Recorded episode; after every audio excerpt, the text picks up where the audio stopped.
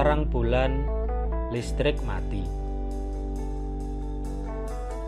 Seperti biasa, Naro melangkah pulang menjelang dini hari.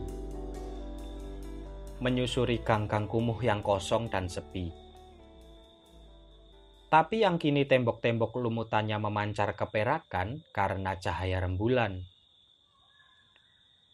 Tembok-tembok masih hingar-bingar dengan grafiti warna-warni nama-nama gang yang ganjil, dan kata-kata jorok, tak senonoh, kampungan, yang memang hanya cocok dituliskan di tembok sebuah kampung yang kumuh dengan comberan hitam kotor menggenang berbau petai seperti itu.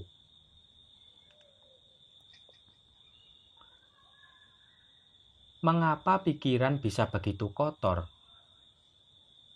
Tapi pikiran Naro tidak kotor ia hanya mabuk, tepatnya setengah mabuk.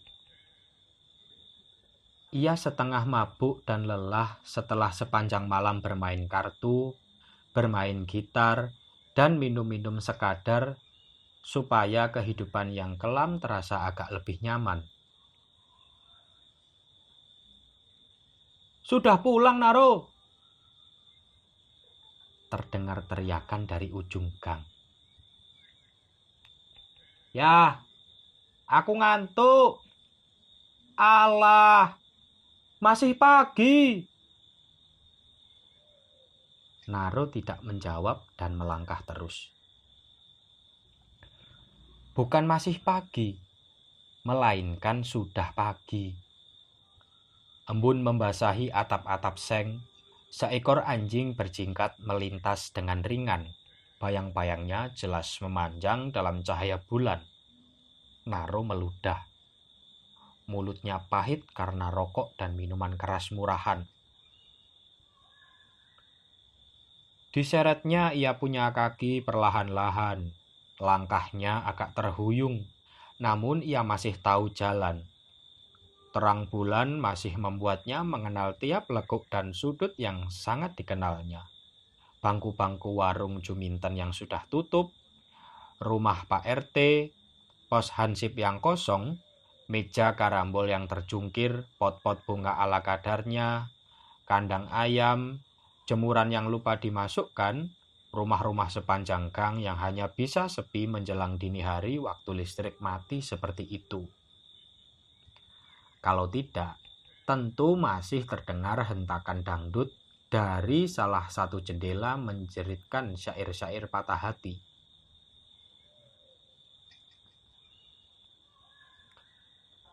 Dalam pandangannya Naro yang setengah mabuk, cahaya bulan purnama membuat segala-galanya nampak mempesona. Kawat ram yang berkarat pun jadi keperakan. Gang yang basah entah kenapa jadi berkilat-kilat. Pagar-pagar, kaca jendela, genting rumah, antena televisi, pot-pot tergantung yang masih saja menetes-neteskan air, kandang burung, kotak pos, semuanya tampak berkilat-kilat dengan cahaya yang memancarkan kelembutan sebagai sesuatu yang bagi Naru terasa asing. Naru mengusap matanya karena gelisah dengan perasaan yang, yang menyergap dadanya tapi rembulan itu tetap saja di sana. Cahayanya menyepuh mega-mega yang berarak seperti pesta karnaval. Lantas ia teringat bapaknya. Bapak, Naro mendesis pelan. Mega-mega yang berarak seperti karnaval itu mengingatkan Naro pada bapaknya. Lihat Naro, lihat, itu ibu. Bapaknya mengangkat Naro ke bahunya. Naro melambai-lambai ibunya. Ibu! Ibu! Di atas truk yang sudah disulap menjadi sebuah panggung terbuka, Naro melihat ibunya menari dengan seekor ular sawah yang besar membelit tubuhnya. Genderang dan trompet saling bersahutan dan penonton menjerit-jerit. Ular! Ular! Penari ular! Lampu-lampu dari menara menyoroti ibunya sehingga pernak-pernik gemerlapan yang dijahit ibunya malam-malam pada celana pendek ketat, kutang berjurai-jurai, dan disematkan pula pada sepatu larsnya yang gemerincing dengan genta-genta kecil itu jadi berkilatan. Lidah ular itu menjulur-julur, menciumi pipi ibunya. Terdengar teriakan-teriakan ketakutan, tapi Naru tertawa-tawa geli. Ibu, ibu. Naru melonjak-lonjak di gendongan bapaknya.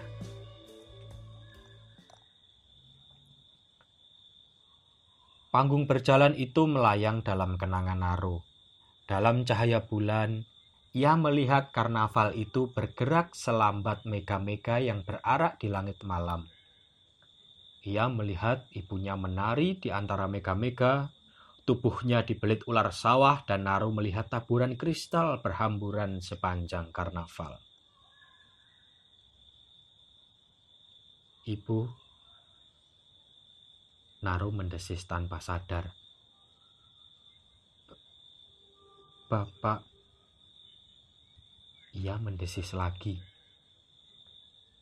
Dua ekor tikus berkejaran lantas menghilang di saluran air pada comberan. Naru mendungak ke langit. Hanya bulan dengan lingkaran cahayanya yang menyapu langit. Tiada lagi mega-mega itu di sana. Tiada lagi karnaval, meski Naru sudah memaksakan diri mengingat-ingatnya. Banyak hal yang telah berlalu tidak bisa kembali 15 tahun bukan waktu yang singkat. Tapi mengapa semua seperti berlalu begitu cepat? Angin malam bertiup, menggesekkan dahan dan daun pada talang yang bocor. Naru melangkah melewati kenyataan yang kelam. Bau bacin perkampungan menuju ke rumahnya dan ketika teringat rumahnya itu, Naru tiba-tiba merasakan sesuatu bergerak di dadanya yang kosong. Bapakmu itu bangsat. Ibunya pernah berkata begitu. Bangsat. Pikirannya apakah bangsat itu? Naro tidak pernah tahu betul apa yang dimaksud ibunya jika sudah bicara dengan mulut berbau minuman. Mata setengah tertutup seperti mata ular Susah payah mencoba menghapus make up dalam keadaan teler ketika pulang malam-malam. Aku kerja banting tulang dan dia hilang entah ke mana. Dasar bajingan. Bajingan? Pikirnya apakah bajingan itu? Begitu banyak kata-kata seperti itu dikenalnya dari sang ibu. Bapak, Naru berbisik dalam hati. Tiada satupun teman laki-laki ibunya yang selalu datang berganti-ganti bisa begitu menyenangkan seperti bapaknya. Tiada seorang pun dari mereka bisa bermain gitar dan menyanyi bersama dengan penuh kegembiraan. Tiada seorang dari mereka punya permainan sulap yang bagi Naru bisa begitu mengesankan. Kartu menjadi sapu tangan, sapu tangan jadi burung dara, burung dara hilang di balik topi jadi bakmi goreng hangat berkepul-kepul yang bisa dimakan bertiga. Naru teringat, ular sawah itu juga kadang-kadang mau ikut makan, tapi segera mundur kembali jika ibunya mendesis dengan mata nyalang. Ibu, Bapak ke mana? Dan Naro tak pernah melupakan betapa sebuah jawaban bisa menyakitkan. Ibu tak pernah berbohong. Ia begitu jujur.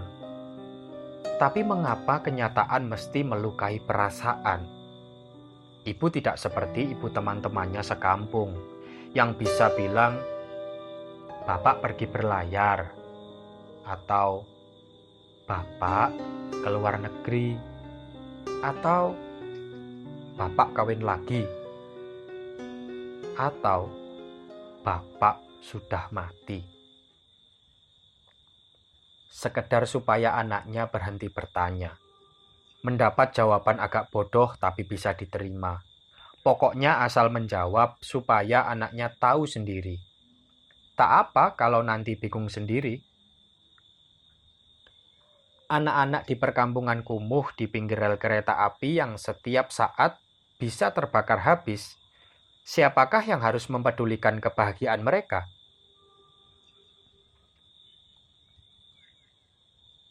Dulu Naro punya sahabat bernama Isti. Waktu masih kanak-kanak, mereka sering pergi bersama seusai sekolah. Pergi ke pelabuhan, berbincang-bincang di sebuah dermaga tua yang sepi, mendengarkan suara-suara burung camar yang bersahutan maupun kecipak ombak yang membuat perahu-perahu sampan yang ditambatkannya berbunyi lembut karena saling bersentuhan. Ibumu cantik sekali, Naro. Begitu, kata ibuku, ibumu kalau menari tidak pakai baju. Ah, ibumu tidak pernah menonton ibuku menari? Kata ibuku, orang-orang bilang begitu. Orang-orang itu bohong. Mereka tidak punya uang untuk melihat ibuku menari. Kata orang-orang pada ibuku, ibumu kalau menari hanya ditutupi ular. Ibuku menjahit sendiri baju untuk menari itu, Isti. Bermalam-malam ia tidak tidur hanya untuk menyematkan pernak-pernik itu satu persatu di celana, di kutang, dan di sepatu. Tidak mungkin ia melakukan itu semua hanya untuk dicopot, kan? Orang-orang bilang begitu. Kamu percaya pada orang-orang atau percaya padaku? Kamu pernah nonton ibumu menari? Pernah? Di mana? Di karnaval Karnaval, karnaval, karnaval itu lagi selalu mengingatkannya kembali betapa segala sesuatu telah berubah. Waktu bagai menyulap kehidupan, bapaknya lenyap entah ke mana, entah kenapa dan entah untuk apa. Isti sudah lama pindah karena ibunya kawin lagi. Entah pula ke mana. Seperti sulapan, segalanya bagai berubah seketika.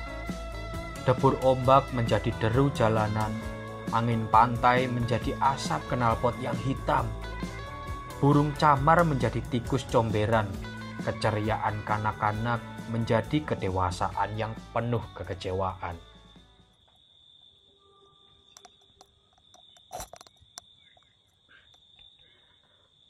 Naro merasa dunia melayang-layang ketika tiba di depan rumahnya. Pintu pagar terbuka, semak-semak di halaman yang tak terurus berkilat keperakan. Naru melangkah masuk. Pintu rumah terbuka, lantai ruang depan juga keperakan dalam cahaya lembut rembulan yang terang. Jendela terbuka, jalusi menyiratkan bayang-bayang. Pintu ke ruang tengah terbuka. Seekor kucing melejit mengejar tikus dari ruang belakang. Kamar tidur ibunya terbuka. Jendela kamar ibunya juga terbuka. Gorden bergerak perlahan ditiup angin malam. Di depan kamar ibunya, Naro tertegun. Cahaya bulan yang menerobos dengan leluasa dari jendela membuat kamar itu menjadi terang, lembut keperak-perakan. Cahaya itulah yang membuat Naro melihat kaki ibunya menyembul keluar dari balik kain yang ditutupkan ke tubuh secara asal-asalan. Dalam cahaya bulan, Naro melihat betis ibunya yang padat, putih, mulus, dan berbulu halus. Di luar, angin bertiup keras dan daun-daun berguguran. Ibunya tidur terlentang, ditutupi kain tapi bahunya terbuka dan keringatnya berkilatan.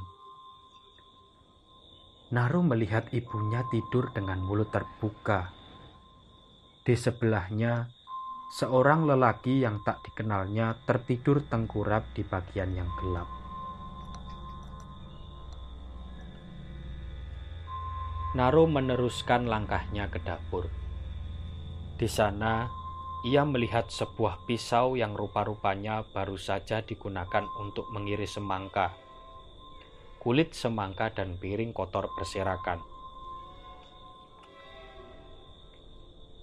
Diambilnya pisau itu, lantas kembali ke depan kamar ibunya. Ia memasuki kamar ibunya dengan tenang sambil menggenggam pisau itu erat-erat, seperti siap untuk menikam. Sekali lagi, di tatapannya ibunya yang tidur terlentang dalam cahaya rembulan. Saat itu ia seolah merasa baru mengerti apa artinya keindahan. Di bagian yang gelap karena bayang-bayang dinding di sisi jendela, Naro membungkuk memperhatikan lelaki yang tidur tengkurap di samping ibunya. Ia sama sekali tidak mengenalnya. Tubuhnya juga berkeringat dan ditutup kain. Di lengan kirinya yang kekar terdapat tato bergambar wanita telanjang. Naru mendenguskan napas dan mengangkat pisau dapur yang baru saja digunakan untuk mengiris semangka itu tinggi-tinggi.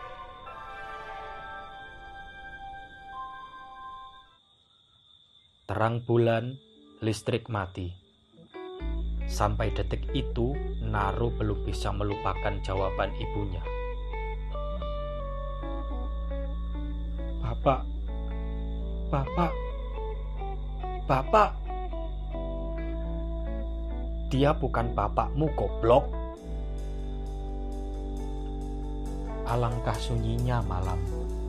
Seekor ular sawah tidur melingkar di atas meja rias.